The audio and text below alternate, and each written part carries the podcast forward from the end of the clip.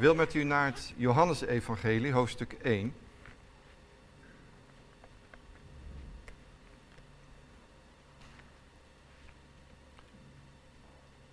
Johannes hoofdstuk 1.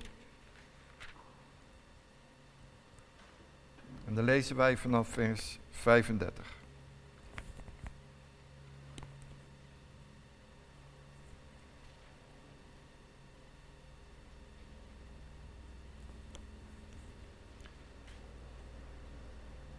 Johannes hoofdstuk 1 vers 35.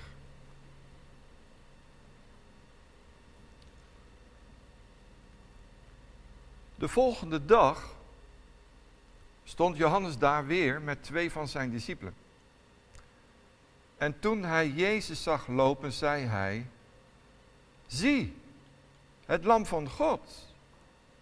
En de twee discipelen hoorden hem dat zeggen en zij volgden Jezus. En toen Jezus zich omkeerde en zag dat zij volgden, zei hij tegen hen, wat zoekt u? En ze zeiden tegen hem, Rabbi, wat vertaald wil worden, of wat vertaald wil zeggen, meester, waar woont u? En hij zei tegen hen, kom en zie. En ze kwamen en zagen waar hij woonde en bleven die dag bij hem. Het was ongeveer het tiende uur. Andreas, de broer van Simon Petrus, was een van die twee die het van Johannes gehoord hadden en hem gevolgd waren. Deze vond als eerste zijn eigen broer Simon en zei tegen hem: Wij hebben de Messias gevonden. Wat vertaald wordt als de Christus. En hij leidde hem tot Jezus. En Jezus keek hem aan en zei: U bent Simon, de zoon van Jona. U zult Kefas genoemd worden, wat vertaald wordt met Petrus. De volgende dag wilde Jezus weggaan naar Galilea. En hij vond Filippus en zei tegen hem, volg mij. Filippus nu kwam uit Bethsaida, uit de stad van Andreas en Petrus. Filippus vond Nathanael en zei tegen hem, wij hebben hem gevonden over wie Mozes in de wet geschreven heeft. En ook de profeten, namelijk Jezus, de zoon van Jozef uit Nazareth. En Nathanael zei tegen hem, kan uit Nazareth iets goeds komen? Filippus zei tegen hem, kom en zie.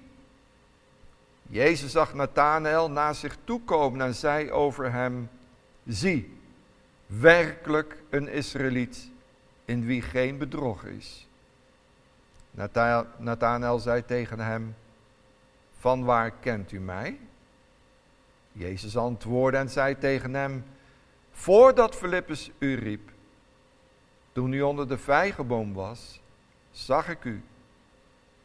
Nathanael antwoordde en zei tegen hem, Rabbi, u bent de zoon van God, u bent de koning van Israël. Jezus antwoordde en zei tegen hem, omdat ik tegen u gezegd heb, ik zag u onder de vijgenboom, gelooft u? U zult grotere dingen zien dan deze. En hij zei tegen hem, voorwaar, voorwaar u, ik zeg u allen, van nu af zult u de hemel geopend zien en de engelen van God opklimmen en neerdalen op de zoon des mensen. Tot zover.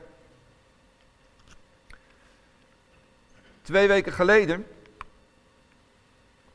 haalde ik uh, de caravan dus uit de stalling voor een grote beurt. En alles wordt dan grondig nagekeken. En als er iets mis is, dan wordt dat ook gerepareerd. En misschien heeft u helemaal niets met caravans. Kan. Maar ik word er helemaal lyrisch van. Ik kan er dagen mee, mee zoet zijn. De ene caravan, in en de ander weer uit. En te kijken hoe mooi alles is en hoe het ingedeeld is. Het is ook mijn hobby. Ik vind het heerlijk om met de caravan onderweg te zijn. De vrijheid tegemoet. Van niemand afhankelijk. En dat gebeurt toch met regelmaat in de vakanties dat je langdurig in de file staat. We hebben al zo vaak meegemaakt in Duitsland, Oostenrijk. En dan kan het best nog wel eens een graadje of 30 of 30 plus zijn. En dan sta je daar in die file, in die brandende zon op dat asfalt. En dan zie je die mensen die voor en achter je staan, die zie je smachten naar een koud drankje. En ik stap dan uit mijn auto, loop op mijn gemakje naar de caravan, doe de deur open. In de caravan doe ik de deur van de koelkast open. En ik haal een heerlijk koud drankje uit mijn koelkast en dan... En dan drink ik dat ze voor die mensen heerlijk koud op.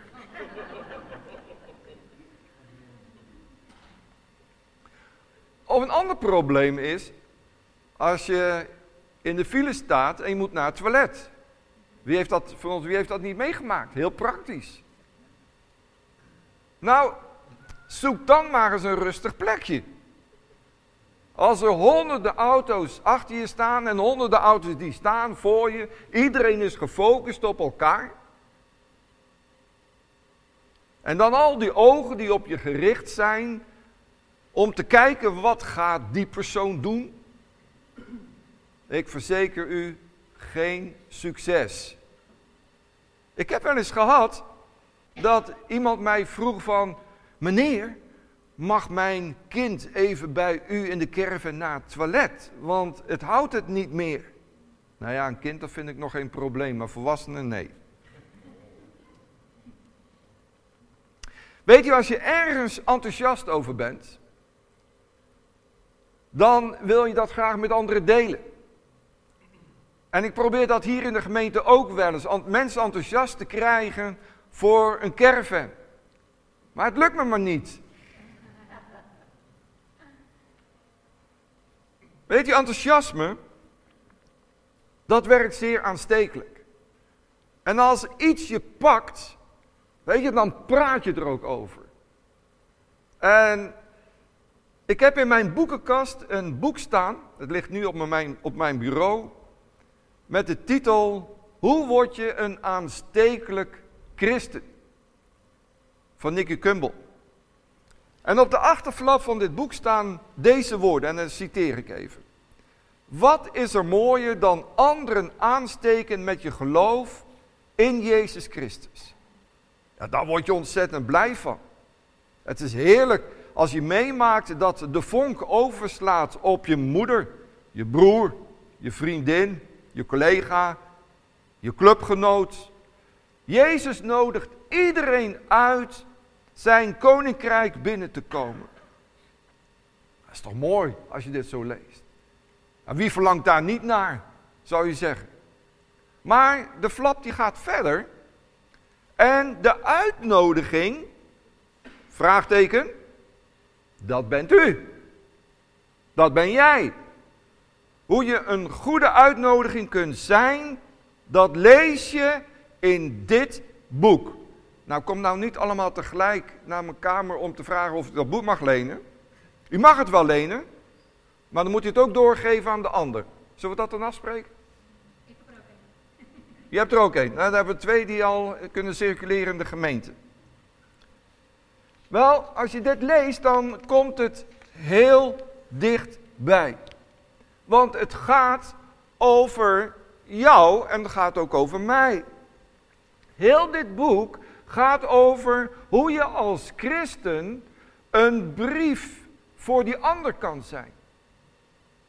En als we dit, dit Bijbelgedeelte op ons in laten werken, wat we hebben gelezen, dan hebben Andreas en Filippus zo'n boek helemaal niet nodig. Andreas, die zag de Heer Jezus. Een ontmoeting met de Heer Jezus. En het eerste wat bij hem opkwam was, waar is Simon? Waar is mijn broer? Want hij moet de Heer Jezus ontmoeten. Hij moet die woorden van de Heer horen. En als hij dan op zoek gaat en hij vindt Simon, is het: Hé hey, Simon, kom! We hebben de Messias gevonden. En Andreas die brengt Simon bij Jezus. En even later volgt Filippus. Jezus kwam hem tegen. En deze ontmoeting heeft hem zo geraakt dat hij gaat weer op zoek naar Nathanael. Want Nathanael, die moet het evangelie ook horen. Hij moet die Jezus ontmoeten. Het was natuurlijk in het begin, het prille begin van de bediening van de Heer Jezus.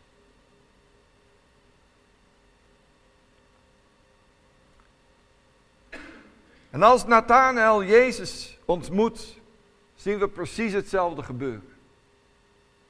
Wij hebben hem gevonden, over wie Mozes en de wet geschreven heeft, en ook de profeten, namelijk Jezus. Met andere woorden, ik heb de Messias ontmoet, kom mee, dan breng ik je naar hem toe.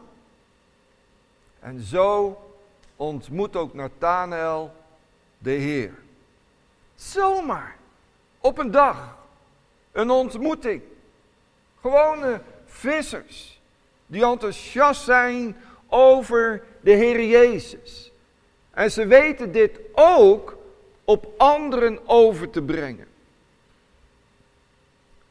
En toen ik zo bezig was met de voorbereiding, toen vroeg ik me af, hoe enthousiast zijn wij nog over Jezus? Hoe enthousiast ben ik nog over mijn Jezus? Dat ik zo enthousiast ben, zo vol van de Heer, dat ik anderen in de familie in ons gezin, in onze vriendenkring, collega's, nieuwsgierig wil maken en enthousiast wil maken voor de Heer Jezus.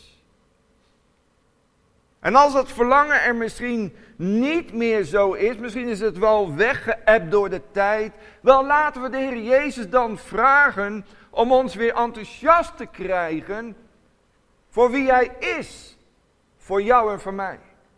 En als ik dan zo'n getuigenis hoor van broeder Willem, dan denk ik van wauw. Het gaat wel ten koste van bloed. Maar wat gebeuren daar wonderen? De vader wil niets liever dan dat veel mensen zijn zoon ontmoeten. Maar ik kan me die schroom ook wel voorstellen. Een bepaalde verlegenheid.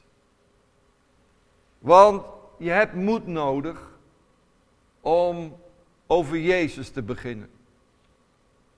Met mensen. En ongetwijfeld zullen hier mensen aanwezig zijn die die teleurstelling hebben meegemaakt. Die teleurgesteld zijn geworden. En je hebt het wel geprobeerd, maar zonder resultaat. En veel ouders hebben hun uiterste best gedaan naar de kinderen. Ze hebben het voorgeleefd. Ze hebben hen niet bij de kerk of de gemeente weggepreekt van dit mag niet en dat mag niet als je christen wordt. Maar de kinderen hebben het stokje van het evangelie nog steeds niet overgenomen. Je collega's. Ik heb het zo vaak meegemaakt. Als je dan iets vertelt over wie je bent, over wat het geloof voor jou betekent, en dan mag je iets vertellen van je oude leven, wat je meegemaakt hebt, wat, wat leidde tot mijn persoonlijke bekering, waren werkelijk wonderen, wat ik ook zei. God heeft mij echt bewaard, wel tien keer voor de dood. Mijn beschermengelen die hebben overuren gedraaid. Als ik dan daarover iets mag delen, dan luisteren ze aandachtig. En als ik dan klaar ben, dan zeggen ze wel, Eko, fijn voor jou, maar ik kan er niks mee. Wel, wat je overvalt is teleurstelling. En dan sta je daar met een mond vol tanden. Heb je het gevoel dat je de parels voor de zwijnen hebt gegooid. En ik overdrijf expres omdat dit vaak wel die onderbuikgevoelens zijn waar we tegenaan lopen als we getuigen van ons geloof. Oh, word ik weer teleurgesteld? Word ik weer afgewezen? Weet je wat? Ik word iedere keer afgewezen als ik over de Heer begin. Weet je, laat maar zitten. Ik doe het ook niet meer hoor. Wel, ik hoop dat jij en u en ik vandaag iets kunnen leren van die eerste discipelen. Wat is het geheim van hun wervingskracht? Wat is het geheim? Wat zouden wij van hen kunnen leren?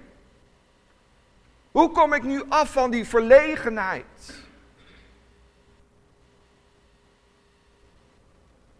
Want als er iemand is die in dit hoofdstuk centraal staat, dan is het Jezus.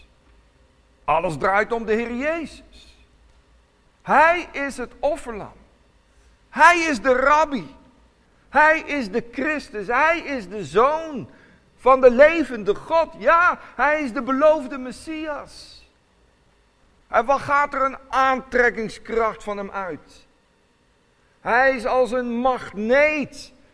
Hij trekt mensen naar zich toe. Hij hoeft niet te soebatten van kom alsjeblieft. Nee, de mensen kwamen en naar hem toe. En wat is hun ervaring als ze Jezus ontmoeten? Nou, daar heeft Johannes al het nodige over gezegd. Hij zegt in Johannes 1, vers 14, dat het woord is vlees geworden. Dat de Zoon van God naar de aarde is gekomen. De Zoon van God daalde neer vanuit de hemel van zijn troon om mens te worden zoals u en ik, doch zonder te zondigen, zegt de Bijbel. God sloeg zijn tent op onder de mensen om bij hen te wonen. God wilde juist geen verre afstandelijke God zijn, maar een God van nabij. Hij is op aarde gekomen om zijn leven met ons te delen, zodat wij Hem kunnen ontmoeten. In de evangelie hier lichamelijk. Geweldig. Althans, de mensen in de tijd van de evangelie. Maar wat betekent dat dan? Voor de Joden is God zo'n heilig God dat de Joden zullen de naam God ook niet uitspreken of opschrijven zoals wij dat doen. Zij zullen nooit de naam God in hun mond noemen of nemen. En als zij over God schrijven, dan schrijven zij God met een G en met een apostrof en dan met een D. Een apostrof is, is een komma-tekentje tussen G en de D in. Dus nooit het volle woord God. Voor de Jood is God te heilig om dat zomaar even te noemen met je mond of zomaar even op te schrijven. Dat doe je niet. En voor de Joden was het onwaarschijnlijk dat deze God contact zou willen met de mens. En Johannes die begint uit te leggen dat het woord is vlees geworden en het vlees geworden woord wil een relatie met de mensen. Dat is zijn diepste verlangen notabene. Daar had hij alles voor over.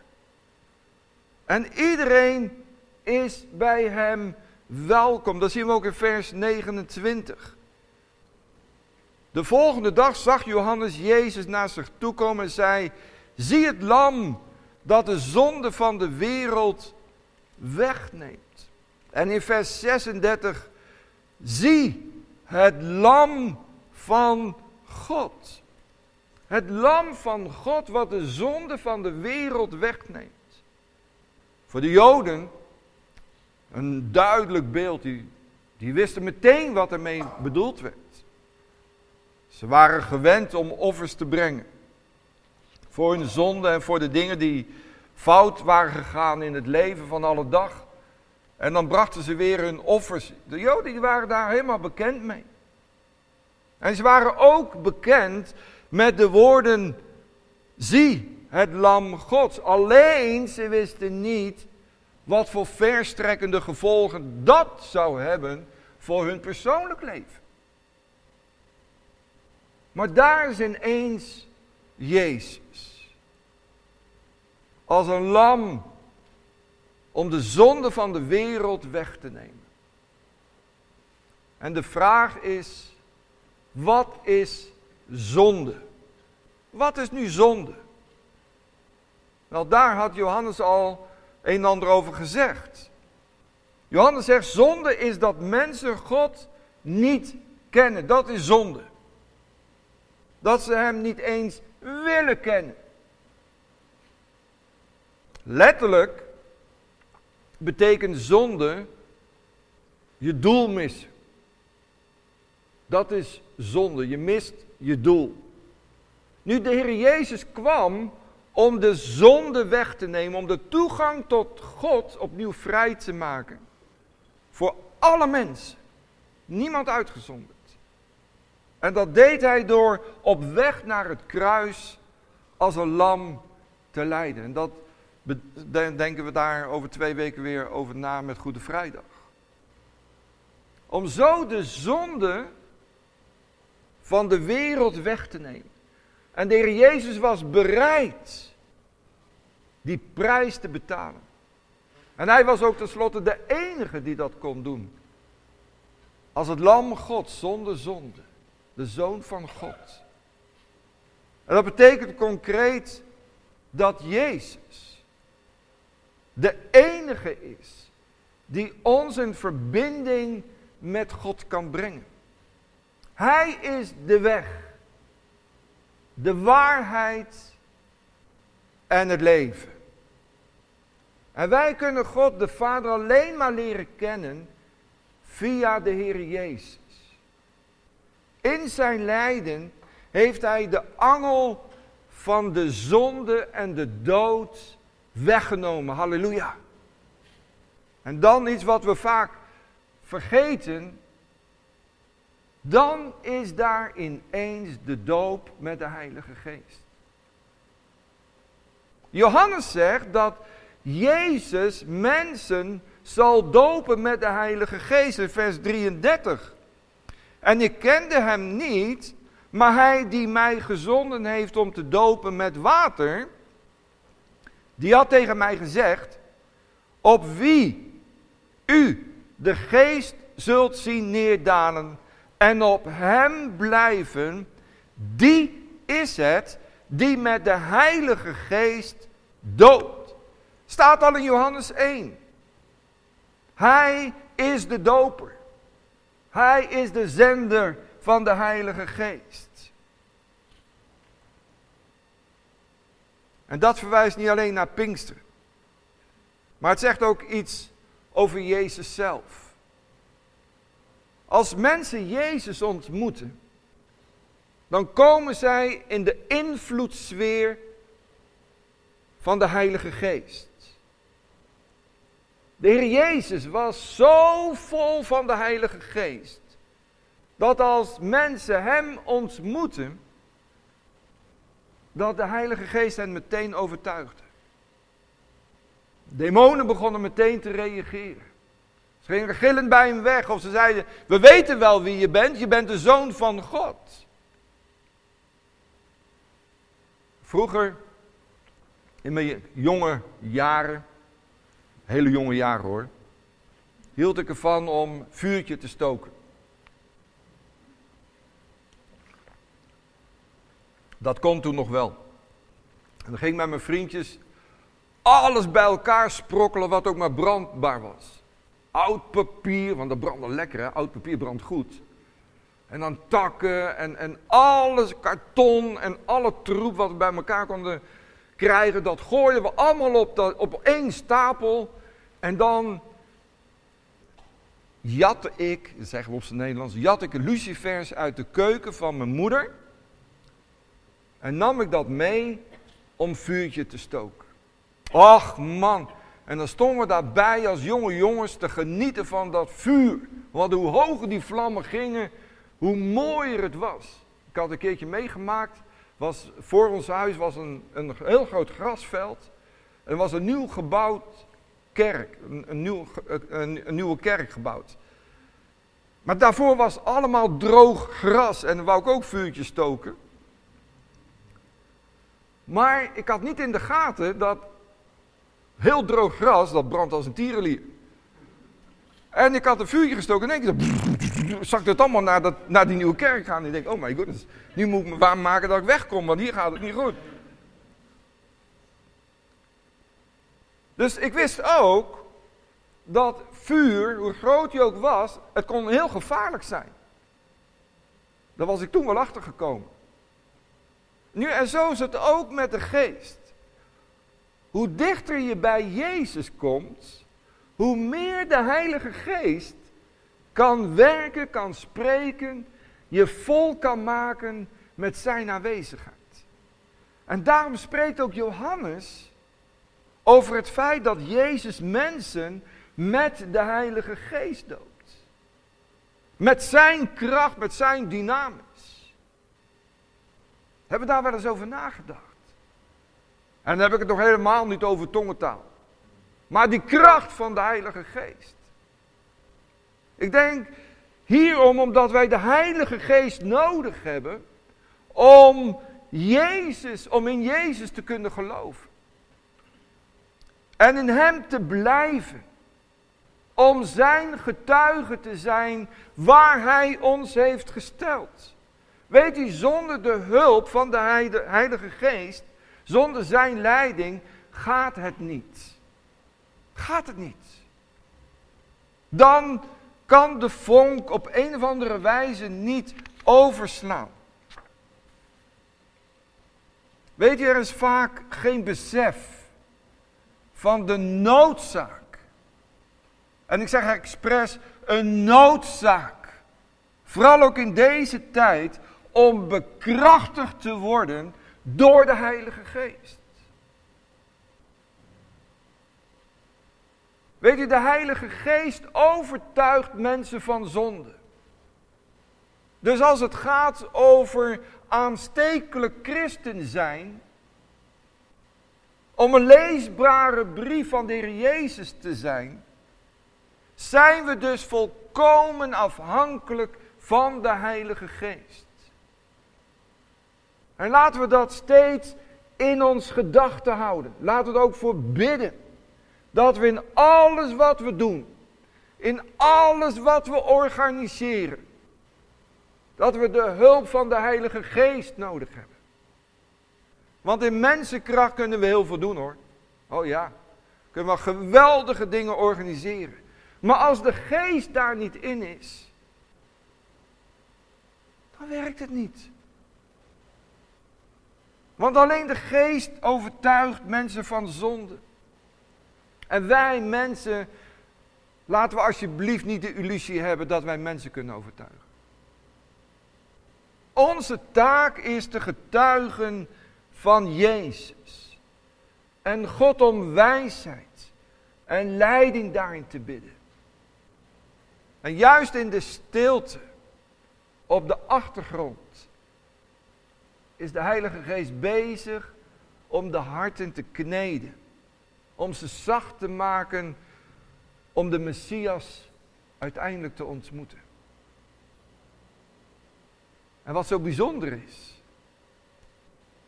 de Heilige Geest schakelt jou in. Jou en mij. Dat doet de Heilige Geest. Hij werkt niet buiten mensen om. Oh ja, hij kan, hij kan de stenen laten juichen, de bomen die kunnen in de handen klappen. Dat, dat kan God allemaal laten doen. Maar dat wil hij niet. Hij wil gebruik maken van zijn gemeente. En u bent een onderdeel van de gemeente. En God die wil door uw leven, door jouw leven werken, spreken. Zijn kracht laten zien. Eerst is het Jezus die tegen die twee discipelen zei, kom en zie. In vers 40. Later is het Filippus die dat van Jezus overneemt en tegen Nathanael zegt in vers 47, Nathanael, kom en zie. Wel, dat is nog eens een keer een hartelijke uitnodiging. Kom en zie. Niet na kom en zie, maar kom en zie. Jezus nodigt mensen uit om bij hem thuis te komen. Op het tiende uur, zegt de Bijbel. Dat is ongeveer een uurtje of vier in de middag. Gewoon gezellig op de thee. Kom een kopje thee drinken bij me. Een koekje erbij. Gaan we gezellig aanliggen. En dan gaan we gewoon eens over wat dingetjes praten met elkaar. Gewoon relaxed. Jezus nodigt ze bij hem thuis uit. En hiermee geeft Johannes aan hoe belangrijk dit is geweest. Want dit is een detail. Waarom zegt hij het tiende uur? Je zou zeggen in de middag ergens.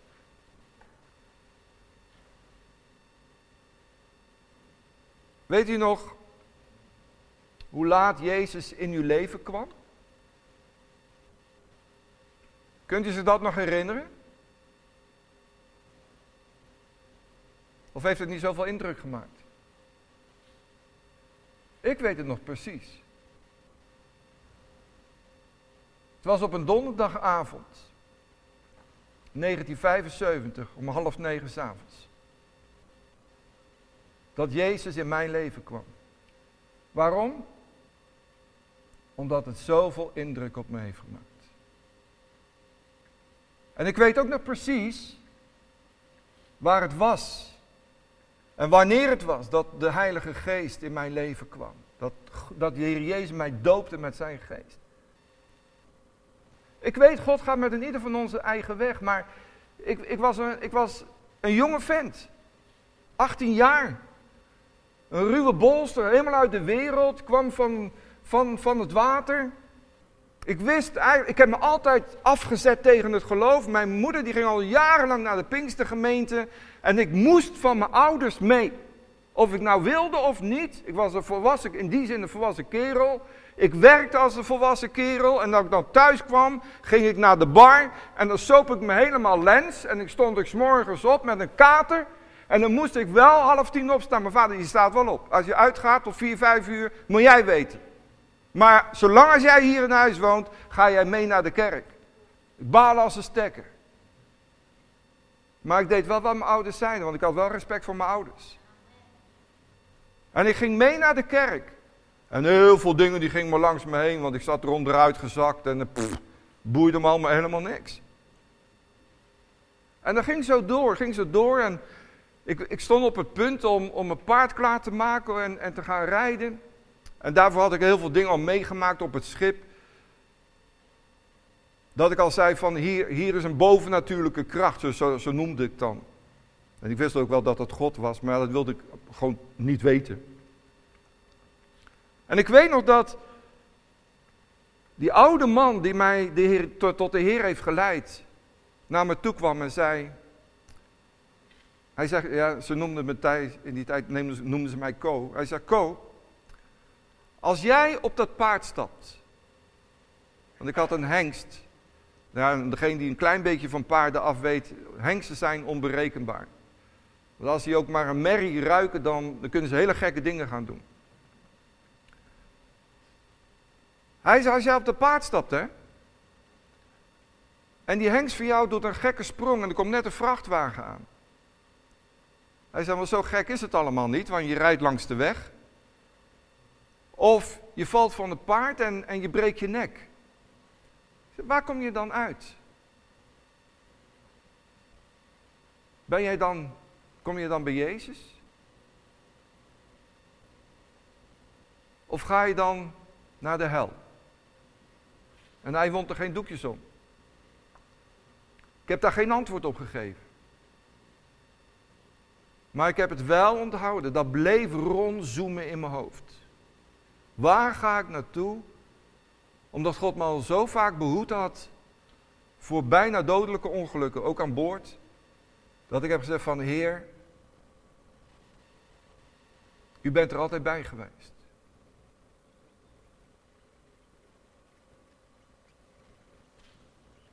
En daarom heeft mijn bekering. En ik heb helemaal geen gek, in die zin gek met drugs of, of al die flauwekul heb ik allemaal, allemaal niet gedaan. Maar ik wist dat het leven goed was zonder Jezus. Ik had Jezus helemaal niet nodig. Ik had een perfect leven zonder Jezus. En toch heeft mijn bekering ontzettend veel impact gehad.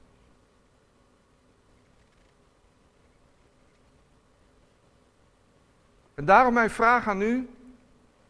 Hoeveel indruk heeft het op jou gemaakt dat Jezus jouw leven binnenkwam? Ben je überhaupt bekeerd? Heb je überhaupt ooit je hart aan Jezus gegeven? Of ben je maar een beetje meegegaan naar de kerk en met, met je man of je vrouw of vriend, vriendin, weet ik veel wat. Maar is er nooit een moment geweest dat je actief je hart aan de Heer Jezus hebt gegeven? En dan geldt die vraag ook voor jou. Waar ga je naartoe als je doodgaat? Weet je, mensen geven zich niet vaak zomaar gewonnen. Ze gaan kiezen voor Jezus heel vaak als ze op hun sterfbed liggen. Als ze de dood in de ogen kijken. Dan beseffen ze, oh Heer, ik sta nu voor de eeuwigheid en nu sta ik op die splitsing van de hemel of naar de hel. En ik moet wel de hel noemen, want daar is geen schemergebied. Je gaat of naar Jezus of je gaat naar de hel. Klaar. Dat zegt de Bijbel ook. Dan kan je daar heel humanistisch verhaal over, over ophangen, maar laten we daarmee stoppen.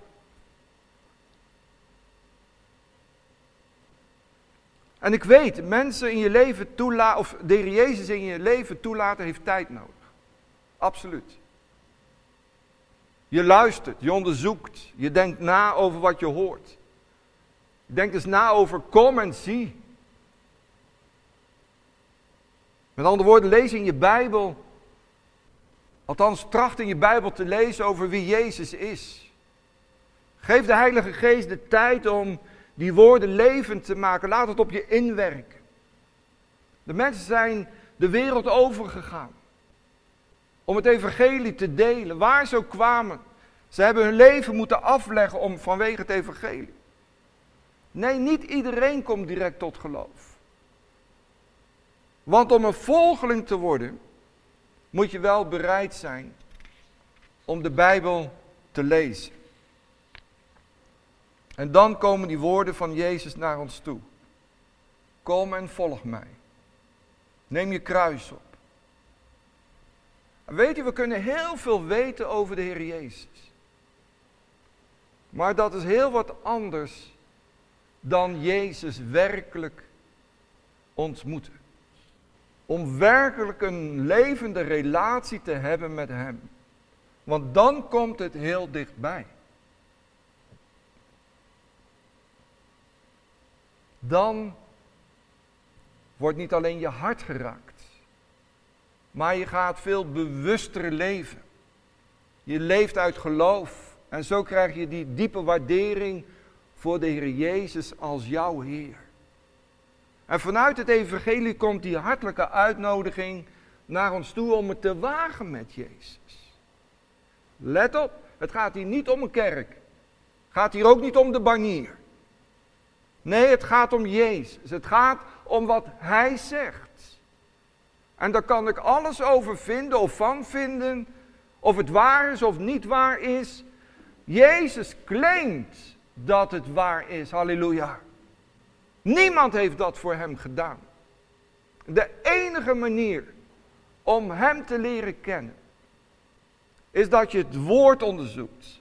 Dat je een stap zet om die woorden van Jezus tot je te laten nemen. En dat is een hele stap.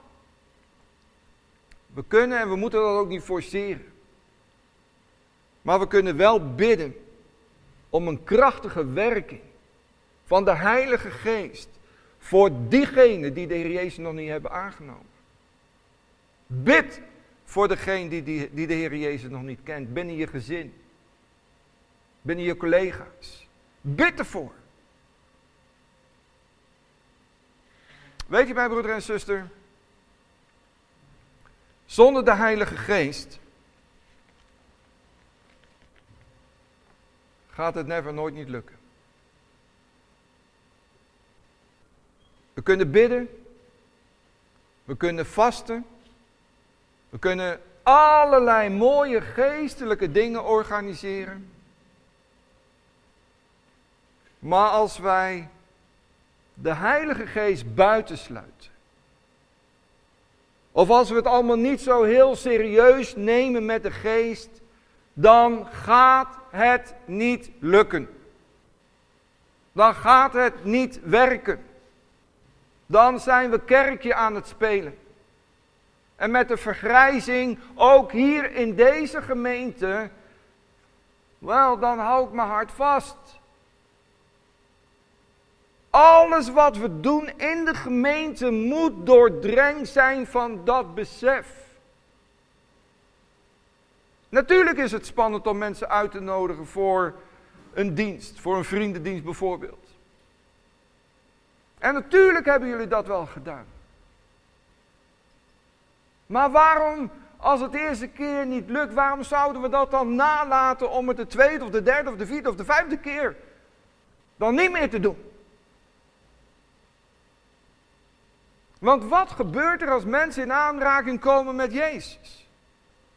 En dat zien we mooi terug in vers 43. Kijk naar Simon. Wat zegt Jezus tegen hem? Ik noem je Kefas. En dat is de Armeese naam met of voor Petros. En Petros betekent rotsblok. De heer Jezus, die, bij die eerste ontmoeting wist hij al wat hij met Petrus van plan was te doen. En dat weet Jezus ook van uw leven, van jouw leven. Hij weet al wat hij met jouw leven wil gaan doen.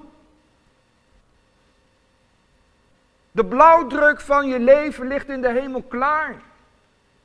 Van A tot Z, van je geboorte tot je dood, of tot de opname, ligt je blauwdruk van je leven in de hemel klaar. De Heer die weet het helemaal.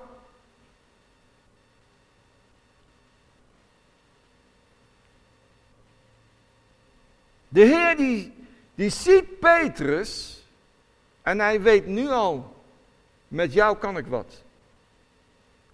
Of later Nathanael. De man die zo zijn eigen gedachten had over Jezus.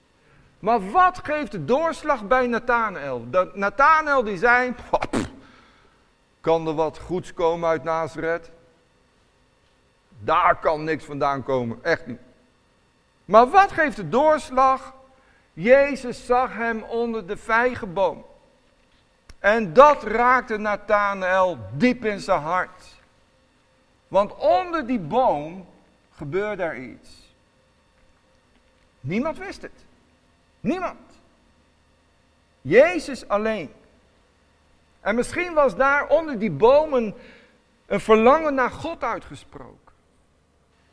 Of was er iets in zijn, in zijn privésfeer gebeurd wat, wat hij overpeinsde.